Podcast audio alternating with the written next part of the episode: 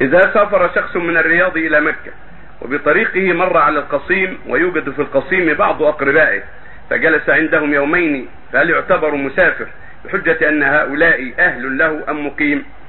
لا يعتبر مسافر ما دام هو بطن له إن مر على قريب له في البلد عم له في البلد قريب له آخر يكون مسافر على حاله. يعني مو من بطن الله إنه بطن لقريبه. فإذا يكون حكم حكم لكن واحد لا يصلي وحده. يصلي مع الجماعة ويتم معهم إذا كان واحد لا يصلي وحده يصلي مع الجماعة ويصلي الأربعة. أما إذا كان معه اثنين ثلاثة يصلوا الجميع. إن شاءوا قصروا سنتين وإن شاءوا صلوا مع الناس أربعة.